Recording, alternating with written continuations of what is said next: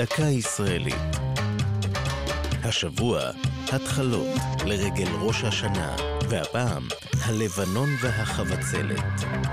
בראש גיליון הבכורה של העיתון העברי הראשון בארץ ישראל, הלבנון, התנוססה הסיסמה מבשר שלום ירושלים משמיע חדשות מארץ הקדושה בכללה, מודיע נעלמות מארץ סוריה וארץ תימן ומדינות הודו, כל דבר אשר השתוקק איש ישראל לדעתו.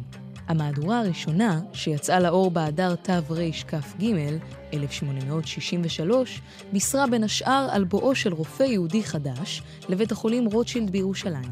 המהדורה כללה אף ידיעות חוץ בדמות דיווח נרחב על חתונת אלברט אדוארד, יורש העצר הבריטי. עורך הלבנון היה העיתונאי יחיאל בריל, ובמקימיו נמנה גם יואל משה סלומון, שנודע גם כאחד ממייסדי פתח תקווה. תחילה הופיע העיתון רק בירושלים, ולצד דיווח חדשותי היה לשופרם של החרדים האשכנזים, בני היישוב הישן. בד בבד החל לראות אור גם העיתון הירושלמי החבצלת, בעריכת ישראל בק וישראל דוב פרומקין, כדי לייצג את עמדת החסידים והספרדים. בניגוד למתחרהו, תמך החבצלת בעלייה ארצה. אליעזר בן יהודה, מחיי השפה העברית, עבד בעיתון החבצלת, וערך בו את המוסף, שנקרא מבשרת ציון. זו הייתה דקה ישראלית על התחלות והלבנון והחבצלת.